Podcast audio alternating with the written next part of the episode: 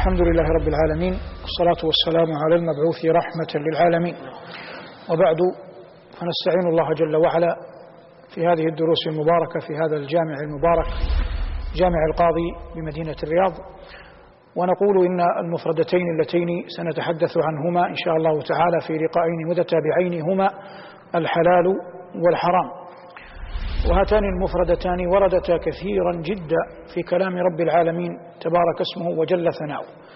وسنعمد إلى هاتين الحلقتين فنجعل في الحلقة الجزء الأول منهما سردا عاما لقواعد دل عليها القرآن في ذكره للحلال والحرام أو قل معارف عامة. ونجعل اللقاء الذي بعده إن شاء الله تعالى لتفسير آيات ورد فيها ذكر الحلال أو ورد فيها ذكر الحرام نفصله إجمالا ونعرج على ما تضمنته تلك الآيات من فوائد وعظات. فنقول مستعينين بالله تبارك اسمه وجل ثناؤه. ذكر الحلال والحرام في القرآن بمعنى أنهما اثنان من التكليفات أو الأحكام التكليفية الخمسة. فأهل الفقه يقولون إن الأحكام التكليفية خمسة.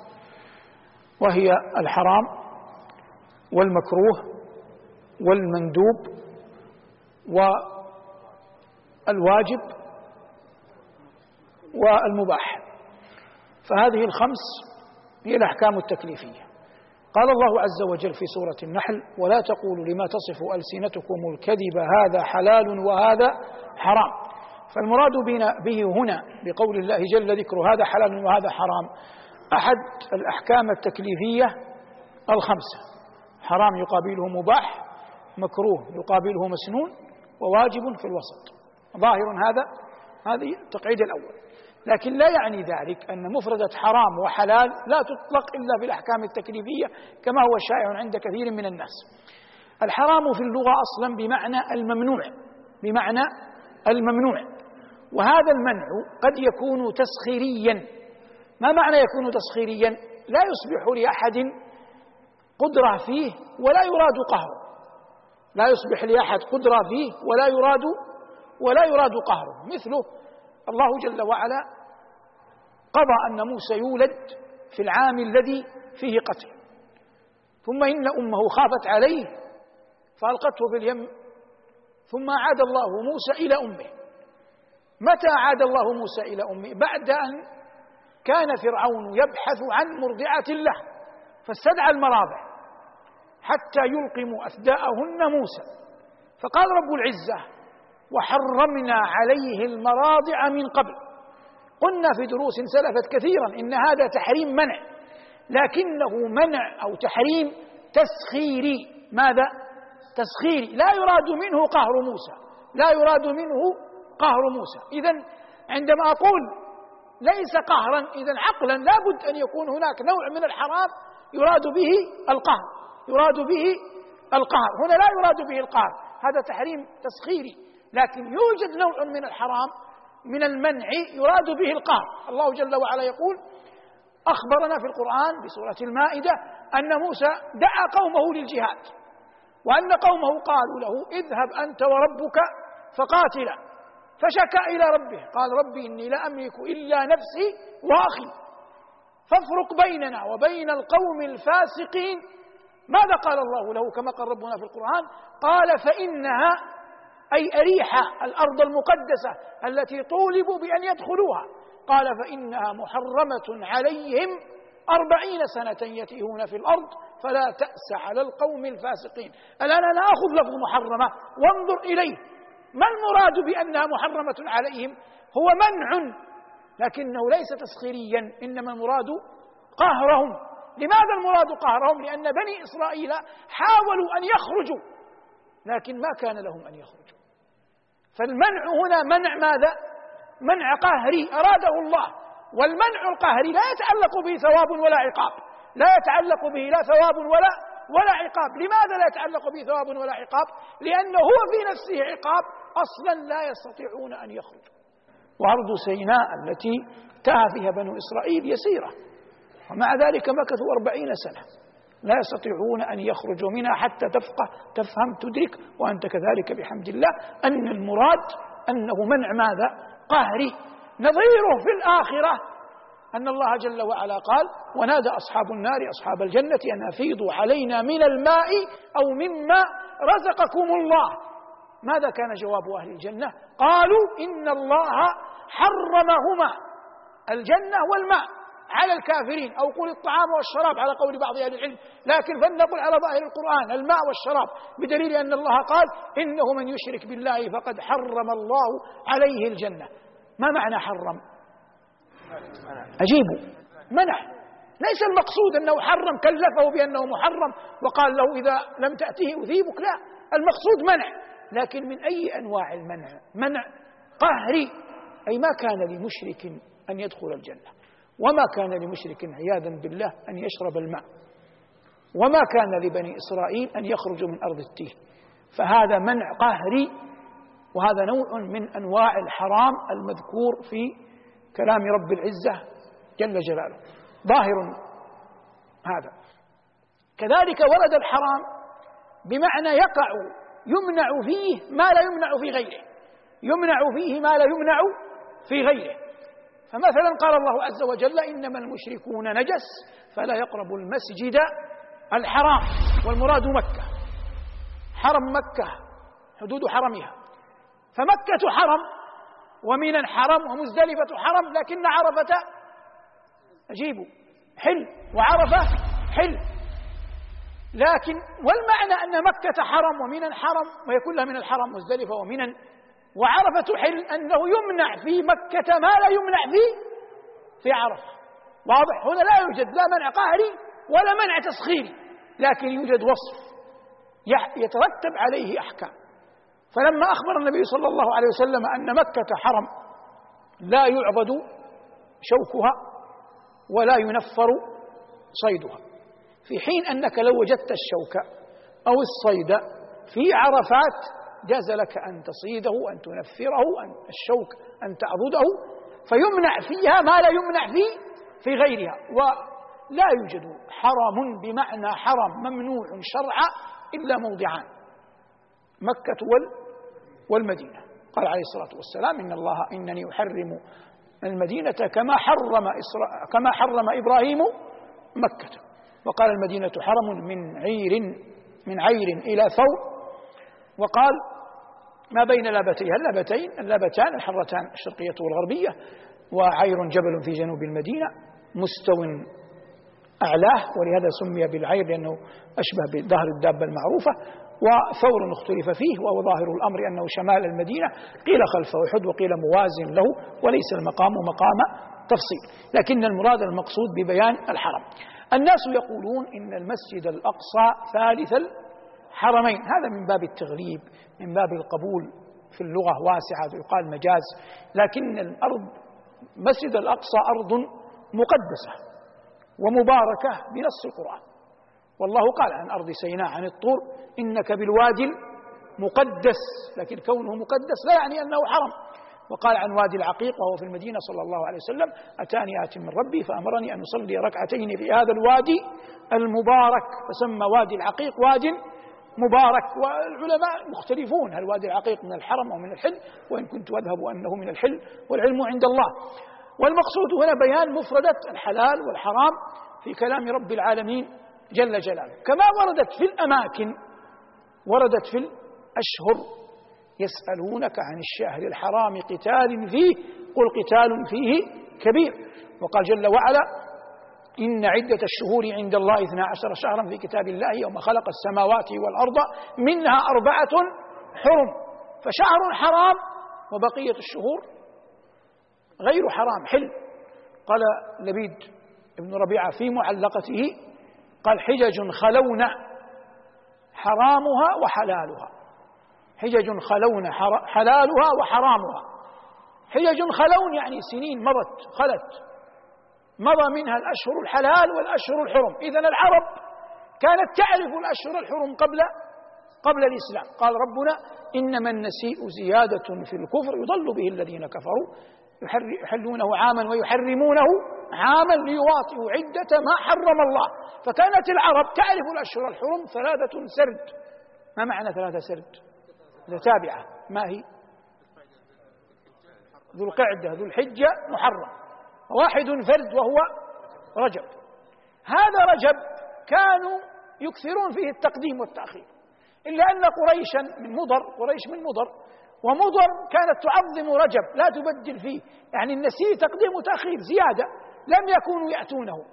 فقال صلى الله عليه وسلم لما ذكر الأشهر الحرم قال ذو القعدة وذو الحجة ومحرم ورجب مضر الذي بين جمادى وشعبان حتى لا يخطئ فيه أحد. ورجب مضر الذي بين جمادى وشعبان. لما قال عليه الصلاة والسلام مضر من يقابل مضر؟ ربيعة. من يقابل مضر؟ ربيعة.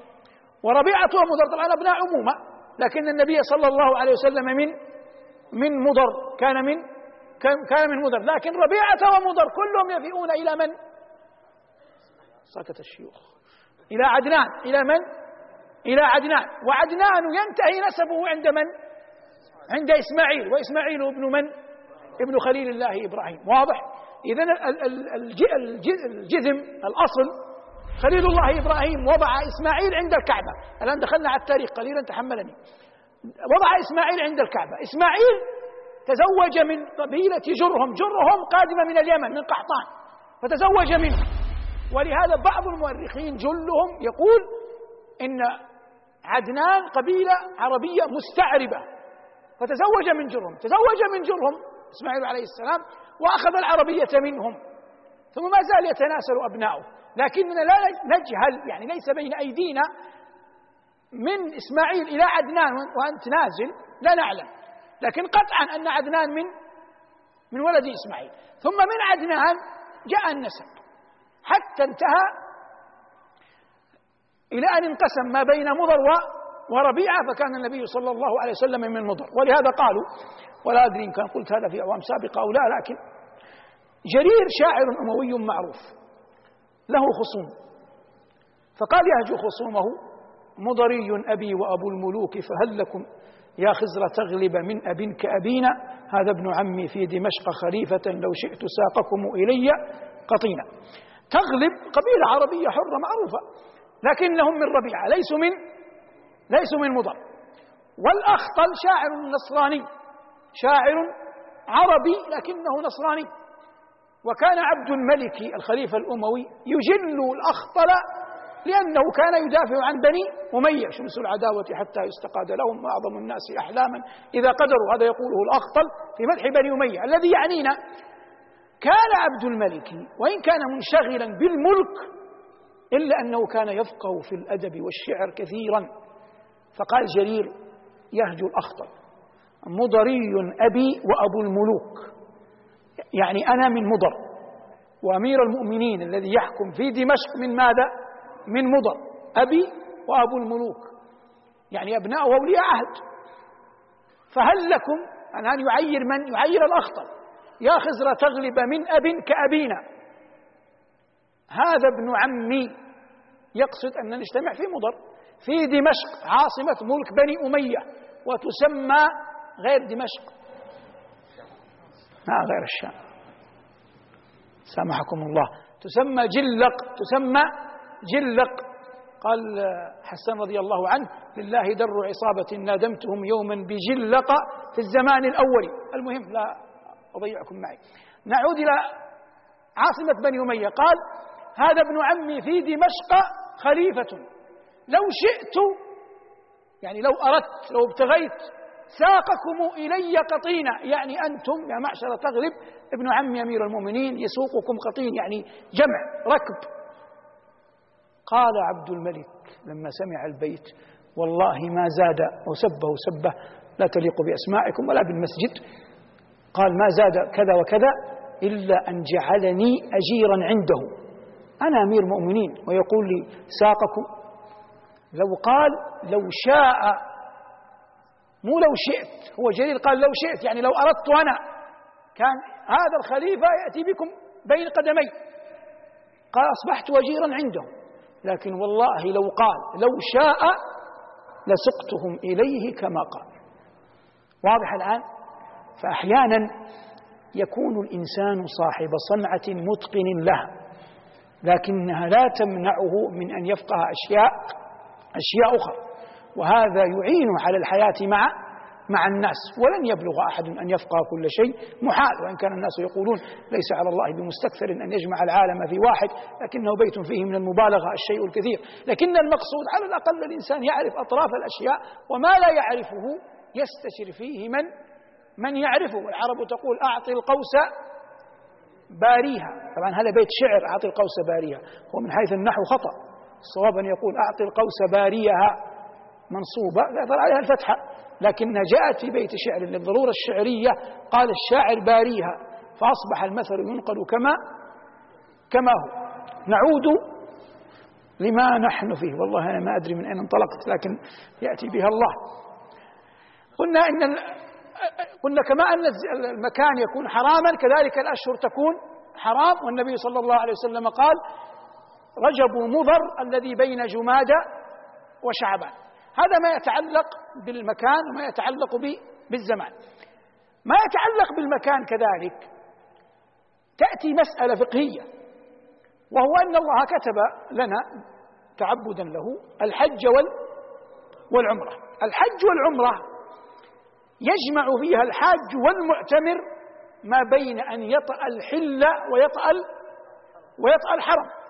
يطأ الحل ويطأ الحرم. أما العمرة فلا تؤدى إلا في المسجد الطواف والسعي بين الصفا والمروة. فأين الحل؟ الميقات. أنت تأتي من الميقات والميقات حل. وتأتي من الميقات إلى مكة إلى البيت وأنت محرم. فأنت تحرم قبل الدخول قبل الدخول للبيت. واضح الآن؟ تبقى مسألة دقيقة عند الفقهاء وهي مسألة أهل مكة. يجمعون ما بين الحل والحرم في الحج. هذا واضح.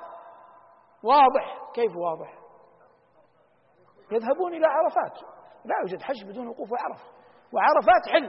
فأمر الحج مقضي بالنسبة لمكة. بقينا في ماذا؟ في العمرة. فمن تمسك بعموم حديث ابن عباس أن أهل مكة يحرمون من مكة للعمرة. فإذا قلنا إنهم يحرمون من بيوتهم من مكة أصبح لا يجمعون بين الحل والحرم وقال جمهور أهل العلم وهو الصحيح إن شاء الله أنهم لا بد أن يخرجوا إلى إلى الحل. واحتج القائلون بأنهم لا بد أن يخرجوا للحل بدليلين. الدليل الأول أمر النبي صلى الله عليه وسلم لعبد الرحمن أخي عائشة لما طلبت منه عائشة أن تعتمر أن يخرج بها إلى إلى الحل. وهو ما يعرف الآن بالتنعيم. واضح هذا؟ أجاب الأولون قالوا هذا ما في دليل. قلنا لماذا ما في دليل؟ قالوا عائشة ليست من أهل ليست من أهل مكة. عائشة أفاقية آتية من بعيد. رد الثانون رد الثانون ما في شيء اسمه الثانون. رد الآخرون قالوا ماذا؟ قالوا إن الدليل في نفسها. قلنا أين الدليل؟ قالوا من لم يكن له ميقات فميقاته من ممن من ميقات غيره. وهي لما كانت في مكة أصبح ميقاتها ميقات أهل مكة. هذا دليل من الأثر باقي دليل من ال من النظر. في دليل من الأثر ودليل من من النظر. قالوا الدليل من النظر ما يعرف عند الأصوليين بالاستقراء. بماذا؟ بالاستقراء. الاستقراء تأتي للمسألة المختلف فيها وتضعها جانبا ثم تأتي لشبيهاتها. فإذا انطبق شيء على الأجزاء كلها إلا الجزء المتبقي الذي فيه الخلاف يجب إمرار كل عليه. وإن هذا الذي أمررته جاء على بعضها واختلف في بعضها لست ملزما لا تلزم غيرك بأن يطبق على الباقي. واضح؟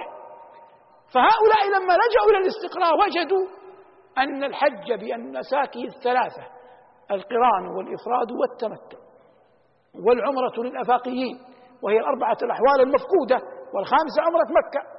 كلها ينطبق فيها الجمع بين الحل والحرم. قالوا لا وجه إذن لإخراج أهل مكة من أن يحرموا من من مكة فلا بد أن يحرموا من الحل ليس شرطا من التنعيم. لكن التنعيم أقرب الحل. خاتمة الأمر أن تعلم وهذا حرمناه كثيرا. المسجد الحرام حرم لماذا؟ شايخ المسجد الحرام حرم لماذا؟ الكعبة ومكة حرم لماذا؟ للمسجد الحرام. وجزيرة العرب حرم لي لمكة. واضح؟ وجزيرة العرب حرم لمكة. والحمد لله أن الله أفاء على جزيرة العرب بما نحن فيه من الأمن والإيمان والدولة المباركة وتحكيم الشرع. ويعرف هذا من قرأ تاريخ الأمم سابقا ولاحقا يدرك أي نعمة نحن فيها لكن الله أعزنا بالإسلام. فلا ينبغي لأحد ينتسب إلى هذه البلاد أن يسعى ولو مثقال ذرة أن يحيد بها عن الإسلام لأن الحيدة عن الإسلام عياذا بالله تعني تعني زوال كل نعمة. أدام الله على بلادنا أمنها وإيمانها وصلى الله على محمد وآله والحمد لله رب العالمين. الحمد لله حمدا كثيرا طيبا مباركا فيه كما يحب ربنا ويرضى وأشهد أن لا إله إلا الله وحده لا شريك له كلمة وشعار ودثار ولواء أهل التقوى وأشهد أن سيدنا ونبينا محمدا عبده ورسوله. صلى الله عليه وعلى آله وأصحابه وعلى سائر من اقتفى أثره واتبع هديه بإحسان إلى يوم الدين وبعد. فهذا الجزء الثاني من حلقة الحلال والحرام وقد تكلمنا عن هذه المفردتين في اللقاء الماضي وذكرنا قواعد عامة وجمعنا أشتاتا ربما مر كثيرا منها في لقاءات سابقة ودروس ماضية لكن المقصود جمع ما تفرق. واليوم قلنا وعدنا أننا سناتي إن شاء الله تعالى على آيات نفسرها فيظهر جلال المعنى إن شاء الله. قال ربنا وهو أصدق القائلين في سورة الأنعام وعلى الذين هادوا حرمنا كل ذي ظفر ومن البقر والغنم حرمنا عليهم شحومهما إلا ما حملت ظهورهما أو الحوايا أو ما اختلط بعظم ذلك جزيناهم ببغيهم وإنا لصادقون. قال ربنا وعلى الذين هادوا على حرف جر لكنه يفيد الاستعلاء. فالله جل وعلا له العلو المطلق. وعلى الذين هادوا أي اليهود. وهم قوم من؟ قوم نبي الله موسى. وموسى عليه السلام من ذرية يعقوب. ويعقوب اسمه يعقوب وله اسم آخر إسرائيل. وهو ابن إسحاق. وإسحاق ابن خليل الله إبراهيم. واضح؟ وموسى هو الذي خرج بأرض ببني إسرائيل من أرض مصر. ويعقوب هو الذي دخل ببني إسرائيل بنفسه وبابنائه أرض مصر بسبب وجود يوسف ابنه من قبل. واضح؟ قال ربنا وعلى الذين هادوا. اليهود أصلا أتباع موسى. أتباع موسى. كما أن النصارى أتباع عيسى. وظاهر الأمر أن اليهود سموا يهودا من قولهم كما قال الله إنا هدنا إليك. أو نسبة إلى أحد أحد أبناء نبي الله يعقوب واسمه يهوذا. وأما النصارى فسموا نصارى لأن النبي الله جل وعلا قال كما في القرآن قال عيسى من أنصاري إلى الله؟ قال الحواريون نحن أنصار الله. وقيل إن هذا اسم لبلدة كانت هناك والعلم عند الله لكن هذا ما هو شائع ذائع بين الناس معروف. فقال ربنا وعلى الذين هادوا حرمنا. هذا تحريم ماذا؟ تحريم شرع. بمعنى أنه يثاب تاركه ويعاقب فاعله. تحريم ماذا؟ تحريم شرع. وعلى الذين هادوا حرمنا عليهم طيبات أحلت لهم. هذا يدل على أن هذا التحريم كان اصليا أم عارضا؟ مش عارضة. بدليل أن الله قال طيبات أحلت لهم. أي كانت أصلا حلالا والقرآن إذا جمعت بعضه إلى بعض يظهر لك بجلاء. الله يقول جل وعلا في سورة النساء فبظلم من الذين هادوا حرمنا عليهم طيبات أحلت لهم وبصدهم عن سبيل الله كثيرا. لم يقل في سورة النساء ما الطيبات التي حرمت لكن قال هنا وعلى الذين هادوا حرمنا كل ذي ظفر. وعلى الذين هادوا حرمنا كل ذي ظفر. أنا في الأول أخطأت في قراءة الآية. الآية الآن وعلى الذين هادوا حرمنا كل ذي ظفر. لكن طيبات محلت لهم. أين وردت؟ في سورة النساء. فأصبحت آية الأنعام مبينة لسورة لآية النساء. واضح؟ مبينة للآية التي في سورة النساء. فلو سألك السائل الله يقول فبظلم من الذين هادوا. حرمنا عليهم طيبات أحلت لهم. ما الطيبات التي أحلت لهم وحرمها الله؟ تتلو عليه آية الأنعام وعلى الذين هادوا. حرمنا كل ذي ظفر. عندما يغلب أحد عدوه ماذا نقول؟ ظفر. ما معنى ظفر؟ انتصر. فالظفر, معروف. أشبه بالمخلب. يقال ظفر للإنسان ولكثير من الدواب. وهو آلة قوة. ولهذا قال أبو ذؤيب الهذلي وكان له أبناء خمسة أو ستة ثم ماتوا. ولم يبقى له إلا واحد. فقال وإذا المنية أنشبت أظفارها ألفيت كل تميمة لا تنفع. ثم قال بيت شعر قال والنفس راغبة إذا رغبتها وإذا ترد إلى قليل تقنع. قال الأصمعي هذا أبرع بيت قالته العرب والنفس راغبة إذا رغبتها وإذا ترد إلى قليل تقنع. أعود للآية. قال الله وعلى الذين هادوا حرمنا كل ذي ظفر. فأصبح كل ذي ظفر كل أصبح كل ذي ظفر محرم عليه محرما عليهم لحمه ودمه وشحمه. واضح؟ ثم قال الله ومن البقر والغنم. حرمنا عليهم شحومهما. في الأول حرام حرام كلي لكن البقر والغنم لا ليست كلية. قال ومن البقر والغنم حرمنا عليهم شحومهما فحرم الله عليهم الشحم.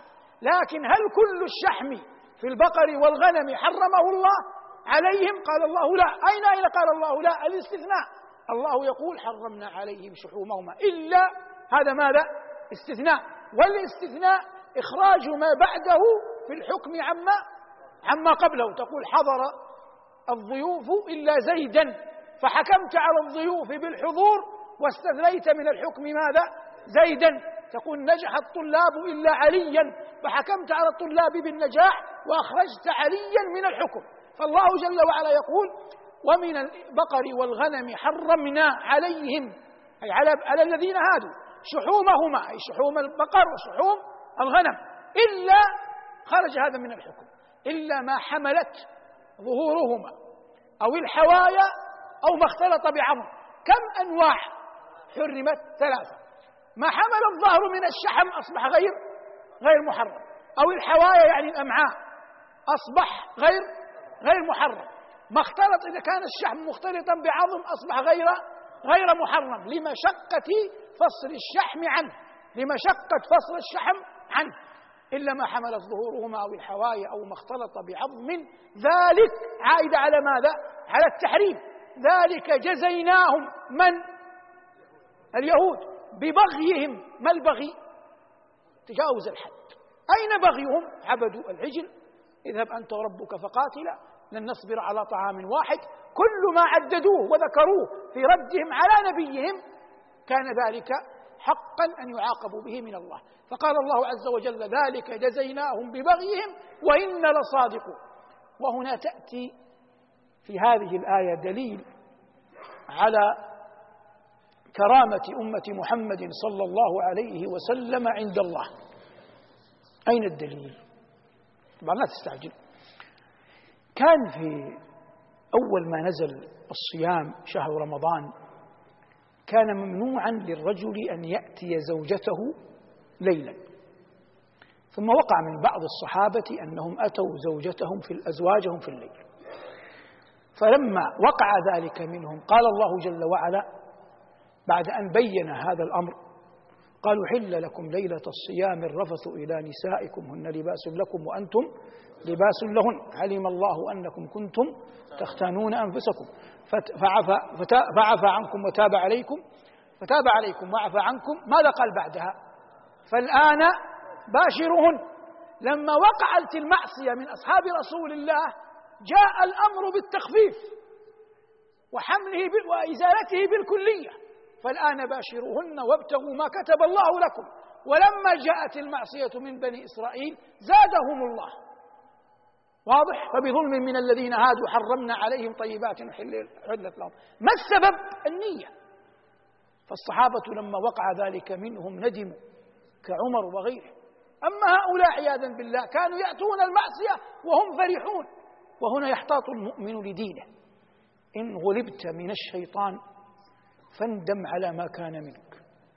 المؤمن تقع منه المعصية خاصة إذا كان شابا. يعجب ربك من الشاب ليست له صبوة لكن شاب يأتي بألبوم صور وما أنا لا أعرف في التقنية لكن يأتي بالتقنية ثم يريها زملائه فعلت وفعلت وفعلت ويجعل كيدا يكيد به الأعراض والناس ومن حوله من الجيران من القريب والبعيد. هذا لا يعبأ الله به في أي واد هلك. لكن قد يأتي أحد الناس أحد الشباب تقع منه الزلة تقع منه الخطيئة. فأنا أقول له أول الأمر لا تخبر بذلك أحدا. فالناس تفضح ولا تعذر والله يستر ويعفو. فاكتمها عن كل أحد. لا تقل هذا شيخي ولا هذا أستاذي ولا هذا زميلي ولا هذا والدي. أقل ما يعني أقل ما يمكن أن ينالك أنه سينظر إليك بعد ذلك نظرة ازدراء والله لو أصبحت إماما للحرمين لأنه سيتذكر تلك المعصية فأنت حقير في عينيه فلا تخبر أحدا. لكن إن كنت صادقا في الندم فإن الله جعل أبواب التوبة مفتوحة. قل يا عبادي الذين أسرفوا على أنفسهم لا تقنطوا من رحمة الله. قل أستغفر الله الذي لا إله إلا هو الحي القيوم وأتوب إليه. في الحديث من قالها سبع مرات غفر الله له ما تقدم من ذنبه وإن كان قد فر من الزحف. قل سبحان الله وبحمده مئة مرة.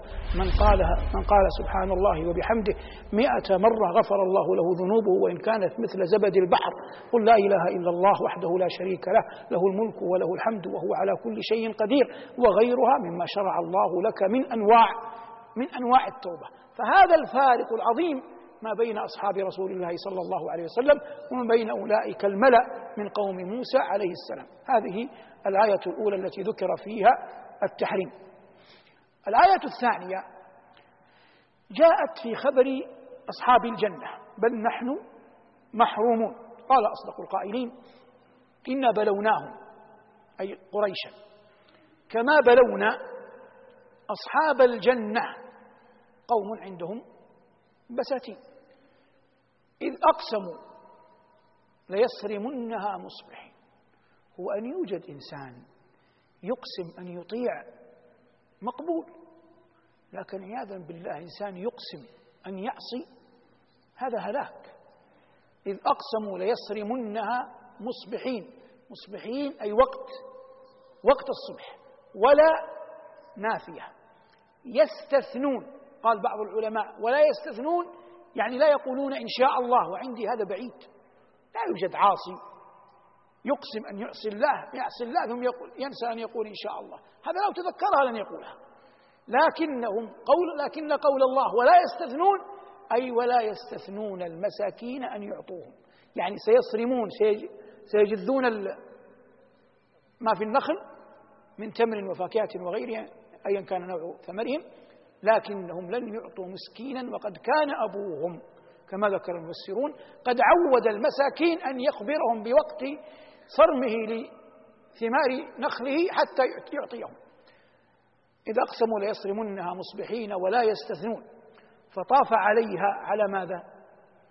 على الجنة. طائف من ربك صاعقة. فأصبحت تحولت كالصريم كقطعة الليل المظلم. هذا كله وهم في غفلة. فتنادوا مصبحين. قاموا وينادي بعضهم بعضا أن اغدوا على حرثكم إن كنتم صارمين. الغدو أول النهار. فانطلقوا إلى جنتهم وهم يتخافتون. الآن انظر إلى واقع الناس. يأتي الصيف. يأتي إنسان ينزع إن كان من ذوي الهيئات إن كان عقاله غطرته بشته ثوبه يلبس إزار ورداء. لو أتاك طارق يطرق بيتك وأنت في خلوتك مع أهلك مع أبنائك تلبس رداء وليس عليك شيء تستر به أعلاك إلا رداء وعليك إزار. هل يعقل أن تفتح له الباب؟ مستحيل حتى ترتدي ثيابك. لكنك تقبل أن تلبس إزارا ورداء وتخرج ويراك الناس وأنت ذاهب إلى الحج أو إلى العمرة. ولنقل في هذا الوقت إلى العمرة. لماذا؟ لأنك تعلم يقينا أنك ذاهب إلى طاعة. شيء وأنا أفر من الكلمات العامية لكن باللغة الدارجة العامية شيء يشرف. لا تطأطئ رأسك ترفعه. لكن أعاذنا الله وإياكم من الفواحش. من يريد أن يذهب إلى حانات الغرب وبارات الشرق تجد حتى وهو يصطف عند ختم جوازه مطأطئ رأسه خوفا من أن يراه أحد. يأبى الله إلا أن يذل من عصاه. هؤلاء لما خرجوا ماذا قال الله عنهم؟ فانطلقوا وهم يتخافتون. ولو كان شيئا ذا فخر لما قالوه بتخافت. فانطلقوا وهم يتخافتون أن لا يدخلنها اليوم عليكم مسكين. وهذا يعني بخل وشح. والبخل نوع من سوء الظن برب العالمين. فالله جل وعلا يقول عنهم فانطلقوا وهم يتخافتون أن لا يدخلنها اليوم عليكم مسكين وغدوا على حرد قادرين. هذا بحسب ظنهم بحسب زعمهم.